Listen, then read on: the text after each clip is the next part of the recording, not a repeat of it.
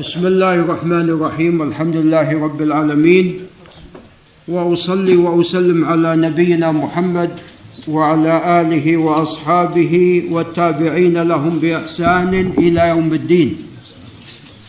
أما بعد فنسأله جل وعلا الإعانة والهداية والتوفيق والرشاد يا كريم يا رب العرش العظيم. أما بعد فقال الإمام بن عبد الهادي رحمه الله في كتابه المحرر باب السواك. نعم. أي الأحكام المتعلقة بالسواك. والسواك سنة مؤكدة قد جاءت النصوص بالحث عليها والترغيب فيها كما سوف يأتي بإذن الله تعالى. وأما ما يتعلق نعم. نعم. لعل نعم. نأتي إلى الأحاديث حتى يتم الكلام على بعض المسائل المتعلقة بذلك. فأقول وبالله تعالى التوفيق. قال المصنف رحمه الله عن عائشة رضي الله عنها قالت قال رسول الله صلى الله عليه وسلم السواك مطهره للفم مرضاه للرب. طبعا يقال بفتح الميم وبكسرها مطهرة للفم ويقول النووي أن بالكسر أشهر. نعم. فالسواك هو مطهر للفم كما أنه مرضاة للرب جل وعلا. وفي هذا بيان لفضل السواك وأن الله عز وجل يرضى عن عبده باستعماله للسواك. قال المصنف رواه أحمد والبخاري تعليقا مجزوما به والنسائي بن حبان وأخرجه ابن خزيمة بطريق أخرى في صحيحه. نعم. هذا الخبر خبر صحيح. هذا الخبر خبر صحيح. وقد جاء من طريقين عن عبد الله بن محمد بن عبد الرحمن بن أبي بكر الصديق رواه ابنه عبد الرحمن عن أبيه ورواه محمد بن إسحاق أيضا عن عبد الله بن محمد بن أبي عتيق. وهذا هو أقوى أسانيد هذا الخبر. نعم وهذا الإسناد إسناد جيد وتقدم أن الإمام البخاري قد علقه مجزوما به وقد صححه من ذكر. نعم. قال وأخرجه ابن خزيمة بطريق أخرى. هذه الطريق من طريق سفيان بن حبيب أو حبيب نعم طريق سفيان بن حبيب. عن ابن جريج عن عثمان بن أبي سليمان عن عبيد بن عمير عن عائشة. وهذه الطريق رجالها كلهم ثقات ولكنها فيها غرابة. وإلا فإن رجالها كلهم ثقات وقد صححها ابن خزيمة. كما أن هذا الخبر قد جاء من طريق أخرى. جاء من حديث داود بن الحسين عن القاسم بن محمد بن أبي بكر الصديق عن عائشة رضي الله تعالى عنها. ولكن هذه الطريق فيها بعض النظر. نعم. جاء أيضا من حديث سليمان بن بلال عن عبد الرحمن بن أبي عتيق عن القاسم بن محمد بن أبي بكر عن عائشة. هذا هذا الطريق إذا لم يكن يعني مخالفا هو مخالف طبعا لما رواه آه، عبد الله بن بن عفوا مخالفا لما رواه عبد الرحمن عن أبيه ومخالفا أيضا لرواية محمد بن إسحاق عن عبد الله بن أبي عتيق. هذه رواية سليمان بن بلال. نعم. أو بالأحرى عفوا هو مخالف لطريق يزيد بن زريع. يزيد بن زريع عن عبد الرحمن بن أبي عتيق يزيد بن زريع رواه عن عبد الرحمن بن أبي عتيق عن أبيه.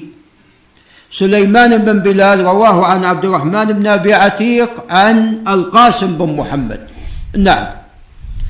فهذه قد تكون طريق مستقلة وقد تكون هي غير محفوظة لأنها قد خالفت ما رواه يزيد بن زريع وما رواه محمد بن إسحاق. نعم. فهذه هذه الطريق إذا لم تكن محفوظة فيكفينا الطريق التي تقدم ذكرها قبل قليل.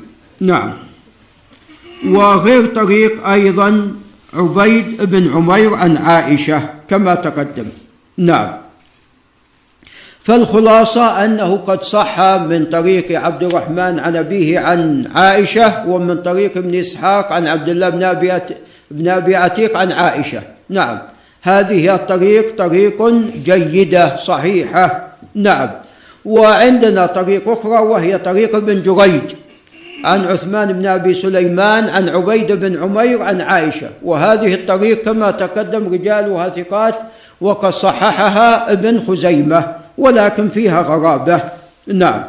ثم قال المصنف رحمه الله ورواه أحمد من حديث أبي بكر الصديق. هذا هذه الطريق لا تصح. والصواب أنها عن عائشة وليست عن أبي بكر الصديق.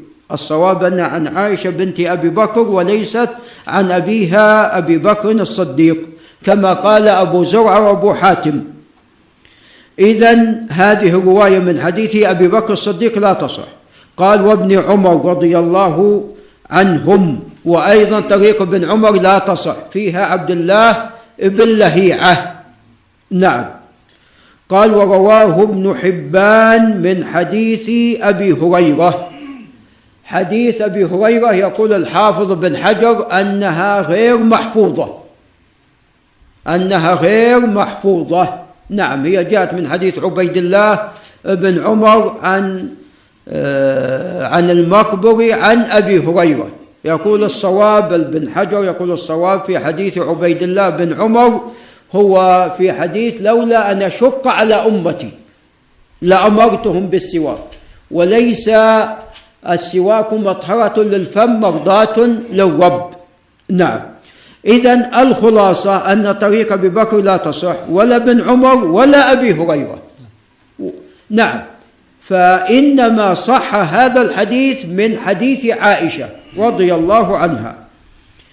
نعم.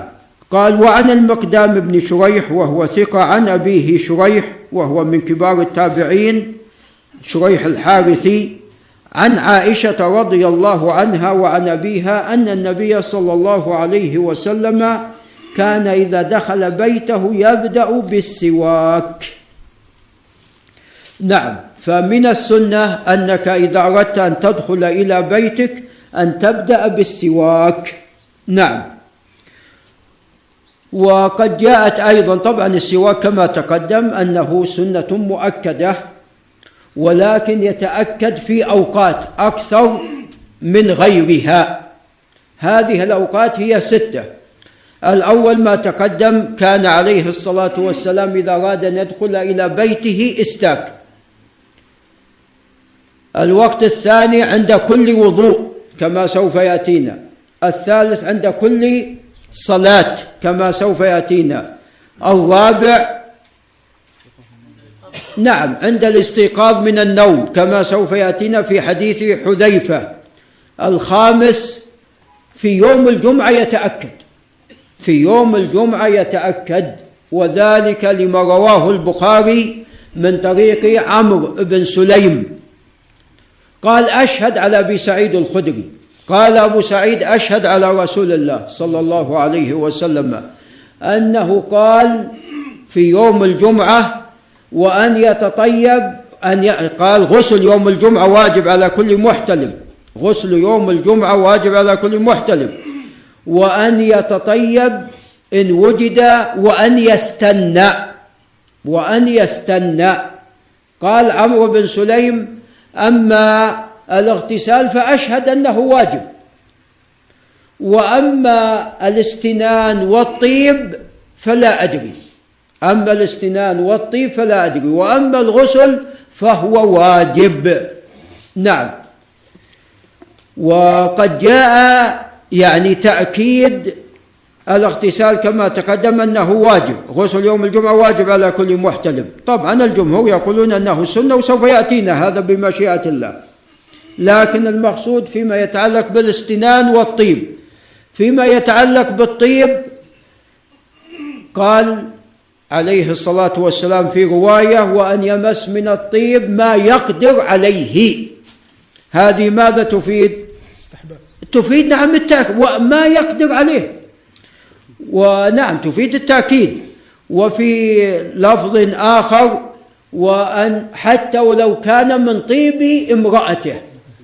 نعم وهذا تأكيد. حتى إذا ما كان عندك طيب حتى ولو كان من طيب امرأتك. ولذا يقول عمرو بن سليم كما تقدم ما أدري هل هو واجب أو لا. نعم. فهذا تأكيد. هذا تأكيد لذلك. ابن عباس قال ما أدري. ابن عباس قال ما أدري. نعم. فذكر ما سمعه من رسول الله صلى الله عليه وسلم. طبعا الجمهور على أن السواك مستحب. وذلك لقوله عليه الصلاة والسلام لولا أن أشق على أمتي. ونقل عن بعض أهل العلم أنه واجب. نقل عن إسحاق بن راهوية وداود بن علي الظاهري أنهم يوجبون السواك. وأما إيجاب السواك مطلقا فهذا فيه نظر لقوله عليه الصلاة والسلام لولا أن أشق على أمتي. نعم. لكن لا يستبعد أن يكون واجبا في يوم ماذا؟ في يوم الجمعة. لا يستبعد لا يستبعد أن يكون واجبا في يوم الجمعة. نعم. بالنسبة لرسول الله صلى الله عليه وسلم كان قد أمر بالوضوء عند كل صلاة. فعندما شق عليه أمر بماذا؟ بالسواك عند كل صلاة. فقد يكون السواك في حقه ماذا؟ واجب. قد يكون السواك في حقه صلى الله عليه وسلم واجب. نعم. قال وقال الإمام أحمد في المسند الموضع السادس عند الموت الموضع السادس عند الموت كما جاء في حديث عائشة في البخاري عندما دخل عبد الرحمن بن أبي بكر وكان معه سواك فنظر إليه عليه الصلاة والسلام بعينيه فعلمت عائشة أنه يريد السواك. فأخذته من عبد الرحمن وقضمته وطيبته فأعطته لرسول الله صلى الله عليه وسلم فاستن به ثم بعد ذلك قبضه الله جل وعلا. إيه عند تغيير رائحة الفم نعم. قال قال الإمام أحمد في المسند قرأت على عبد الرحمن أي عبد الرحمن بن مهدي. عن مالك عن ابن شهاب الإمام مالك هذا في الموطأ. نعم. عن ابن شهاب الزهري عن حميد بن عبد الرحمن بن عوف الزهري عن أبي هريرة رضي الله عنه عن رسول الله صلى الله عليه وسلم أنه قال لولا أن أشق على أمتي لأمرتهم بالسواك مع كل وضوء قال المصنف رواته كلهم أئمة أثبات. قال ورواه أحمد أيضا عن روح عن مالك مرفوعا أيضا ومن رواية روح رواه ابن خزيمة في صحيحه. نعم. فهذا خبر أيضا صحيح. قال وعن أبي هريرة رضي الله عنه قال قال رسول الله صلى الله عليه وسلم لولا نشق على أمتي لأمرتهم بالسواك عند كل صلاة. نعم. وهذا متفق عليه من حديث أبي الزناد عن الأعرج عن أبي هريرة. قال وعن حذيفة بن اليمان العبسي رضي الله عنه قال كان رسول الله صلى الله عليه وسلم يشوص كان إذا قام من الليل يشوص فاه بالسواك. متفق عليه. قال ويشوص بمعنى يدلك. طبعا ولم يثبت عنه عليه الصلاة والسلام في حديث أنك تستاك عرضا أو أو طولا. المقصود هو الاستياك ودلك الأسنان. قال ويشوص بمعنى يدلك وقيل يغسل وقيل ينقي. وكلها معاني متقاربة. نعم. فهو آه، دلك وهو أيضا تنقية. قال وللنساء عن حذيفة. قال كنا نؤمر بالسواك إذا قمنا من الليل. هذه اللفظة غير محفوظة شاذة. والصواب هو ما تقدم في الخبر المتفق عليه. نعم كان إذا قام من الليل يشوص فاه. نعم. وهذه طبعا رواها إسرائيل وأبو سنان كلاهما عن أبي حصين. عن شقيق بن سلمة عن حذيفة وخالفهم شعبة والثوري فروياه عن أبي حصين برواية الأولى يشوص فاه بالسواك بدون أمر. وهذا ما جاء في رواية الأعمش ومنصور كلاهما عن شقيق. إذا هذه ثلاث روايات فلا شك أنها هي الراجحة وخلافها شاذ ولا يصح وخلافها هو الأمر. قال وعن ابي موسى الأشعري رضي الله عنه قال أتيت النبي صلى الله عليه وسلم فوجدته يستن. بسواك بيده يقول أع أع. قال والسواك في فيه كأنه يتهوع. نعم. قال هذا لفظ البخاري. طبعا إذا أدخلت السواك إلى داخل فمك راح يخرج مثل ماذا؟ مثل هذا الصوت.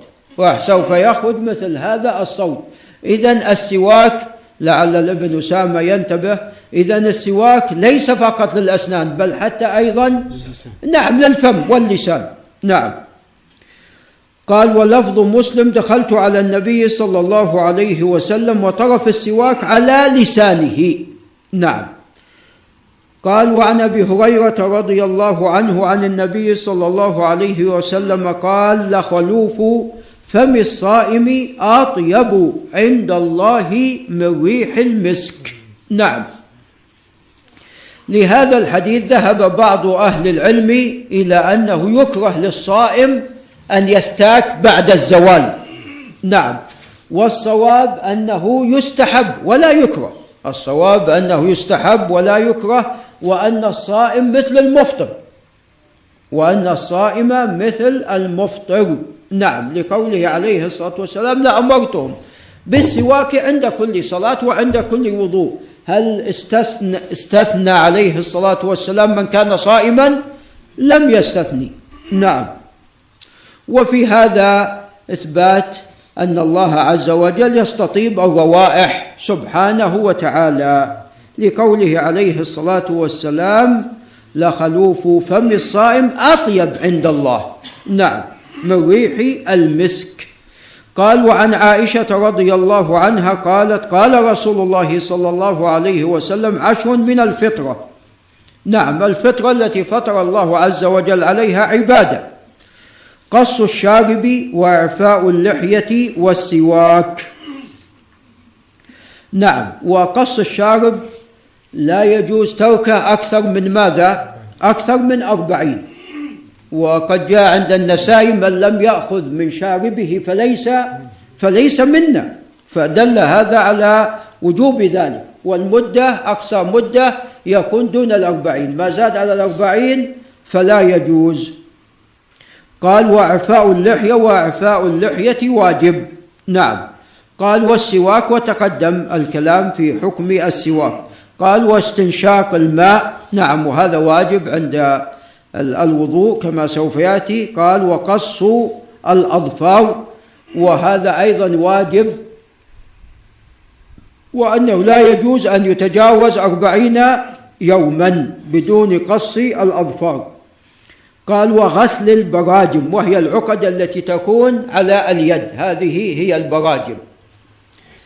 قال وغسل البراجم ونتف الإبط والإبط أيضا وحلق العانة أيضا أربعين يوما ولا يجوز الزيادة. قال وانتقاص الماء. قال مصعب ونسيت العاشرة إلا أن تكون المضمضة. قال وكيع انتقاص الماء يعني الاستنجاء. نعم. والاستنجاء أو الاستجمار كما تعلمون هذا واجب. نعم. قال رواه مسلم وذكر له النسائي والدار قطني علة مؤثرة وهو مصعب بن شيبة. طبعا رواه الإمام مسلم من طريق مصعب بن شيبة. عن طلق بن حبيب عن عبد الله بن الزبير عن عائشة. ومصعب بن شيبة قال النسائي منكر الحديث. ولذا رواه سليمان التيمي وجعفر بن أبي وحشية أبو بشر كلاهما عن طلق من قوله. قال عشر من الفطرة. رواه سليمان التيمي وهو ثقة جليل.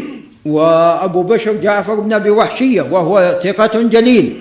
رواياه عن طلق أنه قال عشر من الفطرة.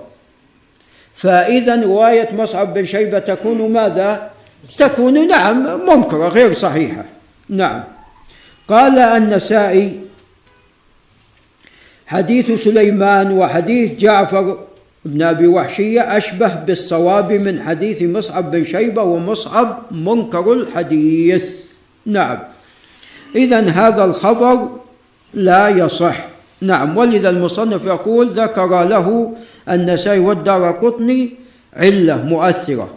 قال وعن جعفر بن سليمان وهو الضبعي وهو صدوق له بعض الأوهام. قال عن أبي عمران الجوني. نعم وهو ثقة جليل. عن أنس بن مالك رضي الله عنه قال وكت لنا في قص الشارب وتقليم الأظفار ونتف الإبط وحلق العانة الا نترك أكثر من أربعين ليلة. نعم اذا الإنسان مرخص له إلى أربعين. نعم أكثر من أربعين لا يجوز. نعم. اي نعم يحرم قال رواه مسلم وقال ابن عبد البر لم يروه إلا جعفر بن سليمان وليس حجة لسوء حفظه. المصنف كأنه يرد عليه. قال وقد وثق جعفر ابن معين وغيره وقال ابن عدي هو ممن يجب أن يقبل حديثه وقد روى هذا الحديث أحمد وأبو داود من رواية موسى. من رواية نعم إيه، والترمذي طبعا نعم. من رواية موسى بن صدق الدقيقي. قال وفيه ضعف عن ابي عمران وفيه وقت لنا رسول الله صلى الله عليه وسلم.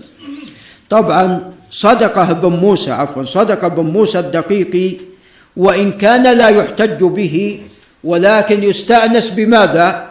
يستأنس بحديثه. فروايته مقوية لرواية جعفر بن سليمان. مقوية لرواية جعفر بن سليمان. فهذا الخبر الأقرب أنه ثابت كما ذهب إلى ذلك الإمام مسلم بن الحجاج. نعم. وطبعا لا شك أن الرواية الصحيحة هي رواية جعفر وفيها وقت لنا وأكيد أن المؤقت لهم من؟ هو الرسول صلى الله عليه وسلم.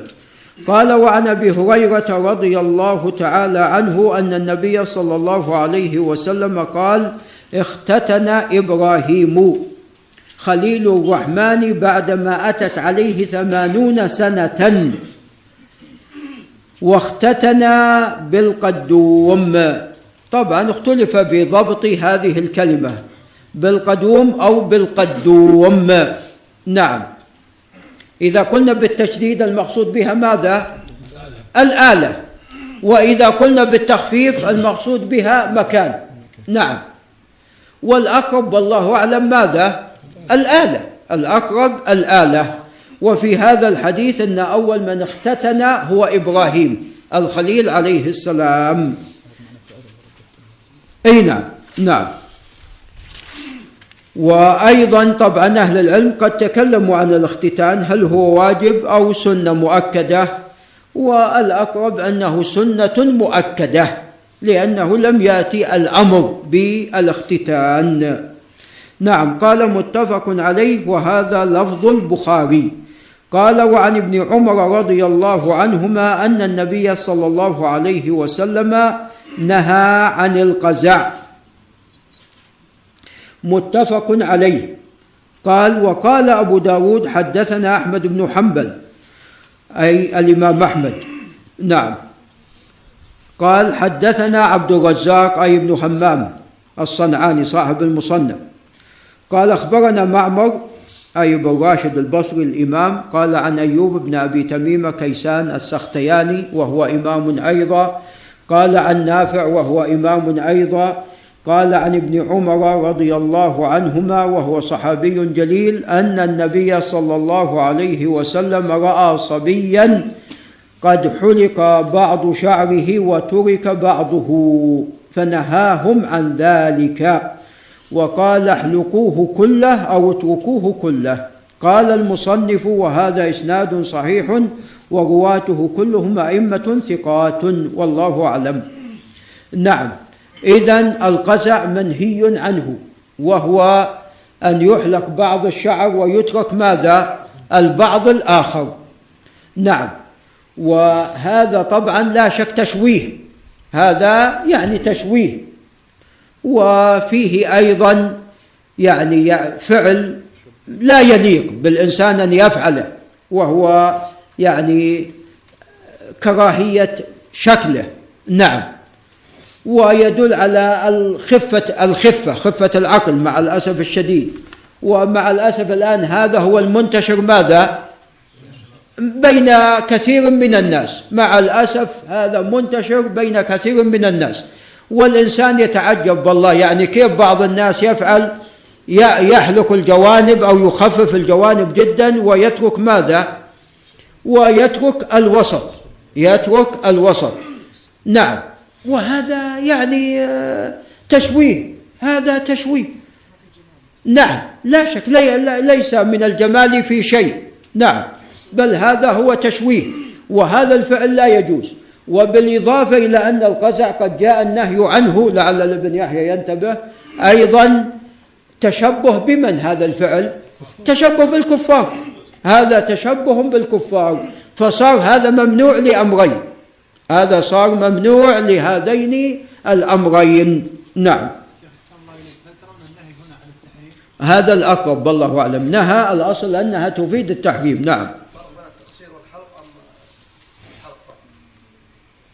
هو أحيانا يكون التقصير قريب من الحلق. ولذا أنت لو حلقت بالماكينة رقم في صفر بالماكينة ولا واحد؟ في في صفر صفر هذا مثل الحلق بالموسى والله أعلم. هذا مثل الحلق بالموسى. فالإنسان عندما يخفف تخفيفا شديدا جوانب الرأس ويترك الوسط كما يفعل بعض الناس. فهذا والله أعلم داخل في القزع. هذا داخل والله أعلم في القزع. قال باب صفة الوضوء وفروضه وسننه. نعم. باب صفة الوضوء وفروضه وسننه. نعم. الوضوء طبعا آه ثلاثة أقسام. الوضوء ثلاثة أقسام من حيث صفته. القسم الأول عندنا وضوء القائم من الليل. القائم من نوم الليل. وهذا فيه زيادة على غيره وهو الأمر بغسل ماذا؟ نعم الكفين ثلاثا والاستنشاق أيضا ثلاثا.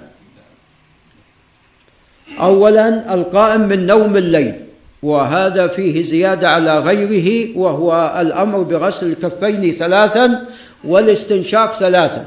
نعم كما سوف يأتينا. نعم الصفة الثانية هو وضوء صاحب الحدث. حمك الله. وضوء صاحب الحدث وهو الوضوء المعروف وهو الوضوء المعروف الذي سوف يأتي شرحه في الأحاديث التي سوف يذكرها المصنف. القسم الثالث هو وضوء من لم يحدث وهذا قد بوب عليه النسائي في كتابه السنن وقد مر علينا فيما سبق. وضوء من لم يحدث وصفة وضوء من لم يحدث أنه تخفيف. ولذا فيه قال مسح. قال مسح.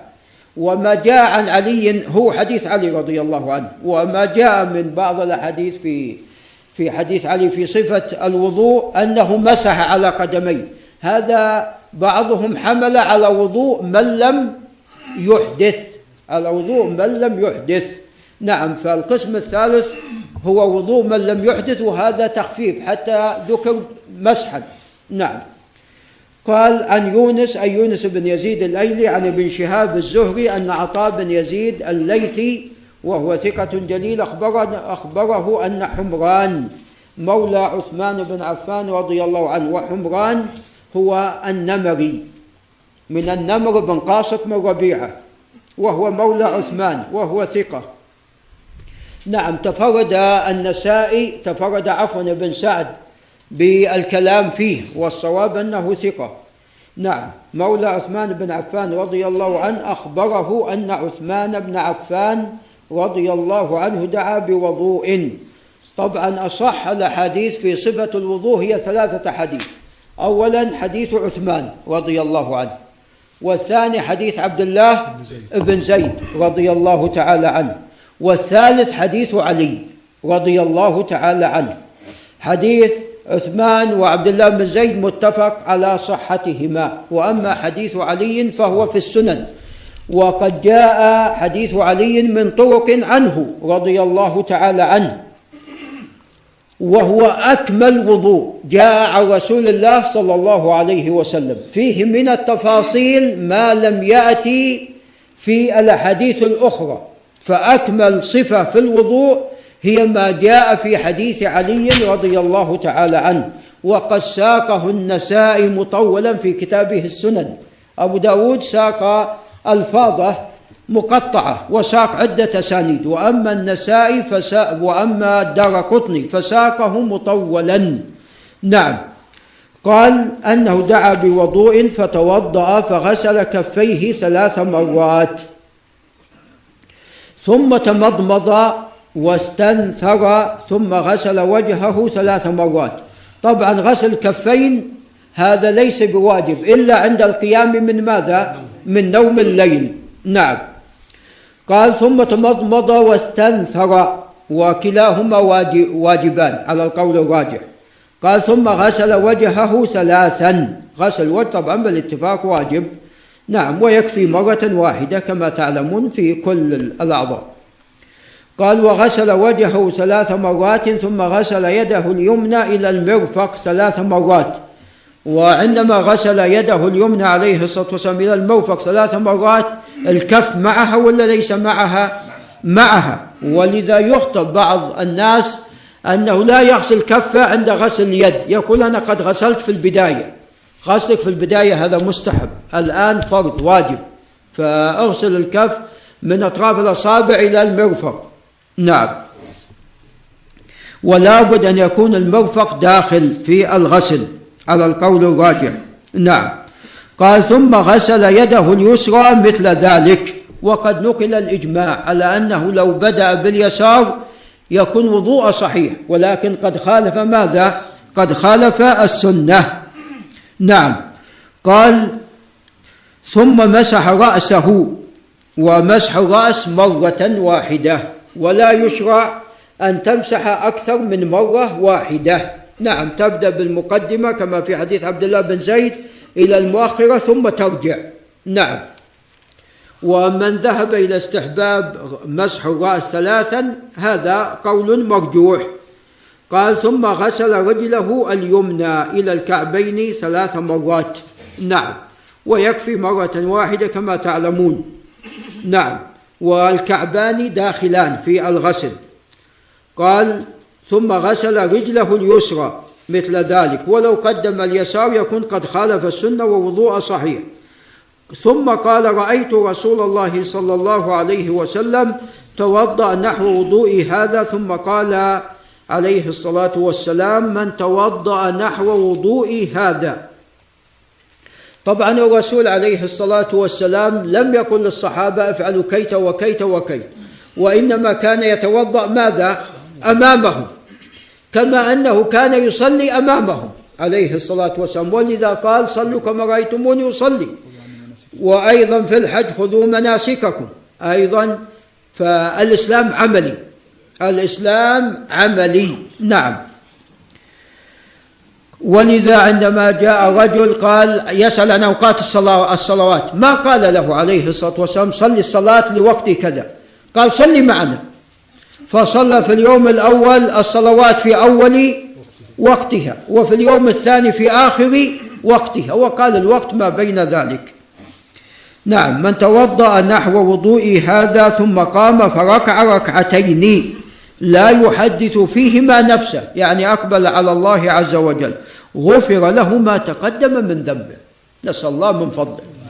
فهذا حتى يغفر الذنب أو الذنوب تحتاج إلى ثلاثة أشياء. أن تتوضأ وكما توضأ الرسول عليه الصلاة والسلام. والأمر الثاني هذا أمران. والأمر الثالث هو أن تصلي ركعتين تقبل فيهما على ربك عز وجل. قال ابن شهاب وكان علماؤنا يقولون هذا الوضوء أسبغ ما يتوضأ به أحد للصلاة متفق عليه. قال وهذا لفظ مسلم. وقال البخاري ثم تمضمض واستنشق واستنثر نعم. والمضمضة والاستنشاق الذي ثبت في السنة في غرفة واحدة يفعل ذلك ثلاث مرات. تأخذ غرفة تتمضمض بها وتستنشق. نعم. ويكون الاستنثار بيدك ماذا؟ اليسرى. قال وعن فطر أي فطر بن خليفة وهو ثقة. قال عن أبي فروة وهو أيضا ثقة. قال عن عبد الرحمن بن أبي ليلى الأنصاري وهو ثقة. قال رأيت عليا توضأ فغسل وجهه ثلاثا رأيت عليا رضي الله عنه. توضأ فغسل وجهه ثلاثا وغسل ذراعيه ثلاثا ومسح برأسه واحدة. ثم قال لعل ابن أنس ينتبه ثم قال هكذا وضوء رسول الله صلى الله عليه وسلم. إذا مسح الرأس مرة واحدة. لأنك لو مسحت ثلاثا غسلت ولا مسحته غسلته قال رواه أبو داود عن زياد بن أيوب وهو الملقب بدلوية ثقة. ثقة. قال عن عبيد الله بن موسى العبسي وهو أيضا ثقة. قال عن فطر. قال ورواته صادقون مخرج لهم في الصحيح وأبو فروة اسمه مسلم بن سالم الجهني. ولذا قال ابن حجر عن هذا الحديث إنه صحيح. قال وعن عمرو بن يحيى المازني عن أبيه قال شهدت عمرو بن أبي حسن. قال سأل عبد الله بن زيد عن وضوء النبي صلى الله عليه وسلم فدعا بتور من ماء فتوضأ لهم. عندما سأله ما قال افعل كيت وكيت؟ عبد الله بن زيد. دعا بماء ثم توضأ ماذا؟ أمامه. ولذا أحسن ما يكون في الأمور العملية أنها تشرح ماذا؟ عمليا. ولعل الشيخ حسن يعني ينتبه لهذا. في سفراته في التعليم. نعم. إي نعم. إي هكذا توضأ. نعم. فعل ثم قال هكذا. ما يخالف. هكذا توضأ. يعني المعنى واحد. نعم. قال فتوضأ لهم فكفأه على يديه فغسلهما ثلاثا ثم أدخل يده في الإناء فمضمض واستنشق واستنثر ثلاثا بثلاث غرفات من ماء. نعم ما كان يفصل. ولو فصل الإنسان كما هو الغالب علينا الآن هذا جائز ولكن السنة أنك تجمع. قال ثم أدخل يده في الإناء فغسل يديه إلى المرفقين مرتين. هذا فيه أن بعض الأعضاء ثلاث بعضها مرتين بعضها مرة وهو الرأس. قال ثم أدخل يده في الإناء فمسح برأسه فأقبل بيديه وأدبر بهما. ثم أدخل يده في الإناء فغسل رجليه إلى الكعبين فقال هكذا رأيت رسول الله صلى الله عليه وسلم يتوضأ. وفي رواية فمضمض واستنثر ثلاث مرات من غرفة واحدة. ليس المقصود من غرفة واحدة أن يعني كل هذا بغرفة لا. يعني المضمضة والاستنشاق بغرفة ثم غرفة ثانية ثم ثالثة. قال وفي رواية بدأ بمقدم رأسه حتى ذهب بهما إلى قفاه ثم ردهما إلى المكان الذي بدأ منه. ولذا كان القول الراجح هو وجوب تعميم الرأس وجوب تعميم الرأس. قال متفق عليه. قال وعن حبان بن واسع أن أباه حدثه أنه سمع عبد الله بن زيد بن عاصم عندنا عبد الله بن زيد اثنان من الصحابة عبد الله بن زيد بن عاصم هذا صاحب الوضوء وعندنا عبد الله بن زيد بن عبد ربه وهو صاحب ماذا؟ الأذان. قال يذكر أن رسول الله صلى الله عليه وسلم توضأ وفيه ومسح رأسه بماء غير فضل يده. نعم. قال وغسل رجليه حتى أنقاهما. نعم. مسح الرأس تأخذ ماء غير الماء ماذا؟ الباقي. نعم تأخذ ماء غير الماء الباقي. نعم. قال وعن عمرو بن شعيب قال رواه مسلم. قال وعن عمرو بن شعيب عن أبيه عن جده أن رجلا أتى النبي صلى الله عليه وسلم فقال يا رسول الله كيف الطهور؟ فدعا بماء هذا يسأل كيف الطهور؟ فدعا بماء عليه الصلاة والسلام. في إناء فغسل كفيه ثلاثة ثم غسل وجهه ثلاثا ثم ذراعيه ثلاثا ثم مسح برأسه يعني مرة واحدة وأدخل أصبعيه السباحتين في أذنيه ومسح بإبهاميه ظاهر أذنيه. قال وبالسباحتين باطن أذنيه. ثم غسل رجليه ثلاثا ثلاثا ثم قال هكذا الوضوء. فمن زاد على هذا أو نقص فقد أساء وظلم أو ظلم وأساء. طبعا زيادة أو نقص غير محفوظة لا تصح لأن ثبت أنه عليه الصلاة والسلام توضأ مرة ومرتين. نعم. قال رواه أحمد وأبو داود وهذا لفظه وابن ماجه والنسائي وصاحب بن خزيمة وأسناده ثابت إلى عمرو بن شعيب. فمن احتج بنسخته عن أبيه عن جده فهو عنده صحيح. نعم. هذا غير لفظة أو نقص. يعني الحديث صحيح دون هاللفظة كما سوف يأتي. قال ثم قال هذا الوضوء فمن زاد على هذا. هذا اللفظ المحفوظ. فقد أساء وتعدى وظلم. إذا لا تجوز الزيادة على ماذا؟ على ثلاث. قال وليس في رواية واحد منهم أو نقص غير أبي داود. وهي رواه أبو داود من طريق موسى بن أبي عائشة عن عمرو بن شعيب عن أبيه عن جده. وجعل الإمام مسلم العلة في في السلسلة وليس في موسى بن أبي داود. نعم للإمام مسلم جزء فيما استنكر بهذه السلسلة. نعم وهذه السلسلة الأصل أنها ثابتة وما استنكر شيء يسير فيها. قال وقد تكلم فيه مسلم وغيره والله أعلم. قال وعن أبي هريرة رضي الله عنه أن الرسول صلى الله عليه وسلم قال إذا توضأ أحدكم فليجعل في أنفه ماء ثم لينثر فإذا يجب أن الإنسان يستنشق الماء ثم ماذا؟ ثم يخرجه ثم ينثره لأن الاستنثار هو إخراج الماء. ولا يمكن أن تخرج الماء حتى ماذا؟ حتى تستنشقه اولا. نعم. قال وعن أبي هريرة طبعا هذا متفق عليه. قال وعن أبي هريرة رضي الله عنه أن الرسول صلى الله عليه وسلم قال إذا استيقظ أحدكم من منامه فليستنثر ثلاث مرات فإن الشياطين تبيت على خياشيمه. نعم الأرواح الخبيثة تبيت على الخيشوم. نعم وقد تبيت على فراش ماذا؟ على فراش الإنسان. قد تبيت على فراش الإنسان. وأيضا بالنسبة لليد لا يدري أحدكم أين باتت يده. نعم قد تبيت قد تبيت عليها الأرواح الخبيثة. نعم هذه يعني قد تكون يعني هي الأرجح الشيطان وعندي أنا في الجمع. نعم. قال متفق عليه. نعم.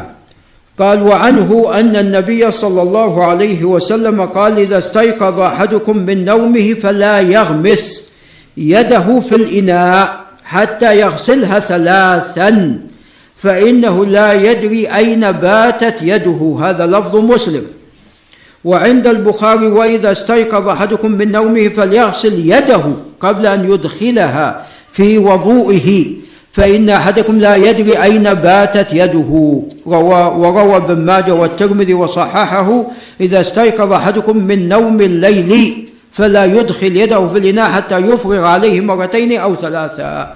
القول الراجح أنه يجب يجب غسل اليدين عندما تقوم من نوم الليل. يجب غسل الكفين عندما تقوم من نوم الليل.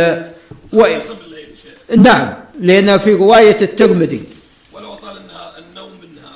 نعم الحديث في الليل. يعني رواية الترمذي مقيدة وهي صحيحة. نعم. والجمهور على أن هذا مستحب ولكن الراجح هو الوجوب لأنه قال عليه الصلاة والسلام فليغسل وفي رواية فلا يدخل نعم. وسواء كان هو يتوضأ من إناء أو من الحنفية الصنبور. نعم. إذا فتحت أغسل كفيك ثلاثا. أب تدخل في الإناء صب على يديك ثلاثا. قال وعن لقيط بن صبرة رضي نعم رضي الله عنه. قال قلت يا رسول الله أخبرني عن الوضوء. قال أسبغ الوضوء. فأمره بإسباغ الوضوء. وإسباغ الوضوء يكون بإتمامه. نعم وإذا ثلثت هذا أسبغ. نعم أبلغ. قال وخلل بين الأصابع. نعم. وبالذات أصابع القدمين. وبالغ في الاستنشاق إلا أن تكون صائما.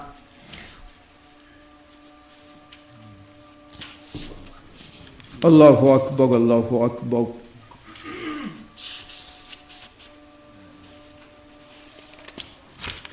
الله أكبر الله أكبر.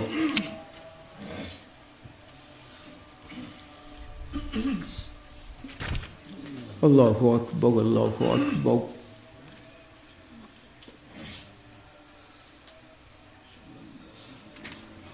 أشهد أن لا إله إلا الله.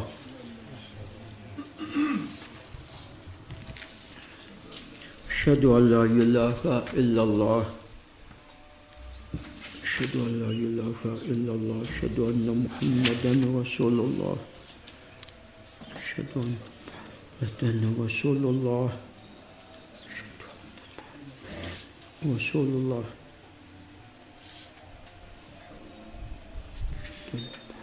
أن رسول الله لا ولا قوة إلا بالله رضيت بالله ربا وبالإسلام دينا النبي عليه الصلاة والسلام. ولا قوة إلا بالله لا حول ولا قوة إلا بالله.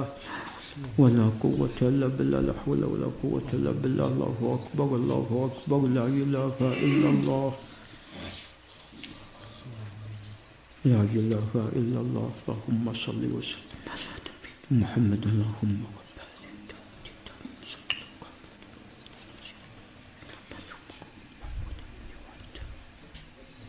قال وخلل بين الأصابع وبالغ في الاستنشاق إلا أن تكون صائما. نعم. فأمر عليه الصلاة والسلام بالمبالغة في الاستنشاق. نعم. ولا يخفى أن غسل الفم والأنف هذا أيضا يعني كما أنه عبادة هو أيضا الفائدة منه تنظيف.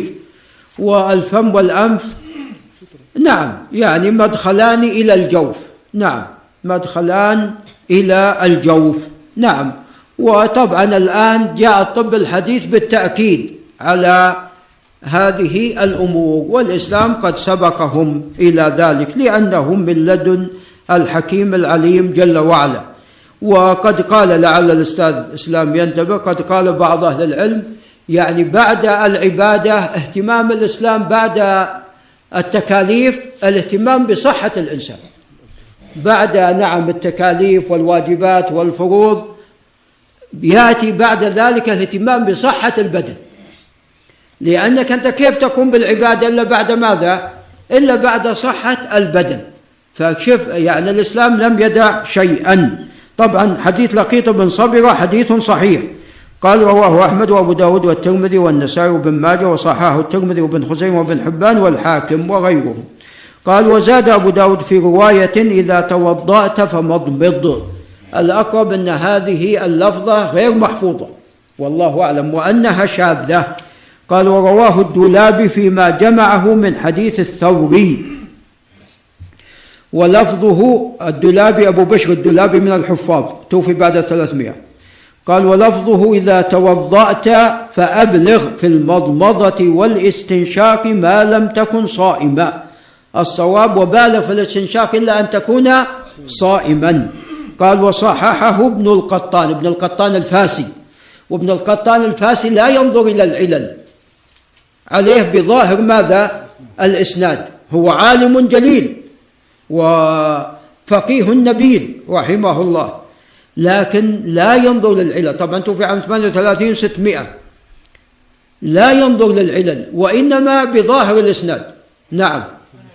600 أحسن 628 628 628 هو لا ينظر إلى العلل وإنما ينظر إلى ظاهر الإسناد وهو كأبي محمد بن حزم.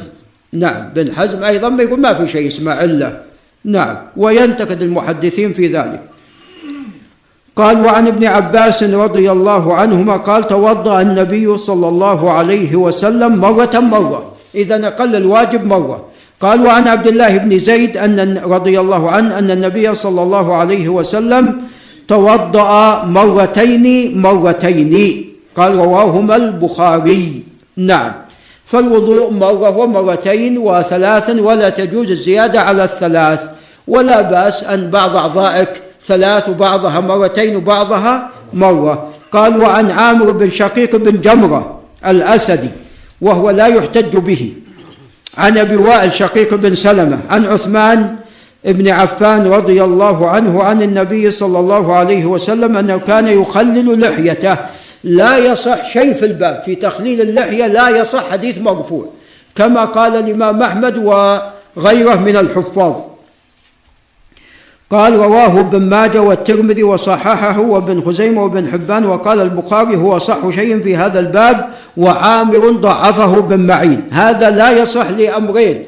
الأمر الأول أن الحديث المتفق عليه ليس فيه ماذا؟ خل اللحية حديث عثمان. الأمر الثاني هو ضعف الإسناد. عامر بن شقيق متكلم فيه وأبو وائل لم يسمع هذا الخبر من عثمان بينهما حمران. نعم.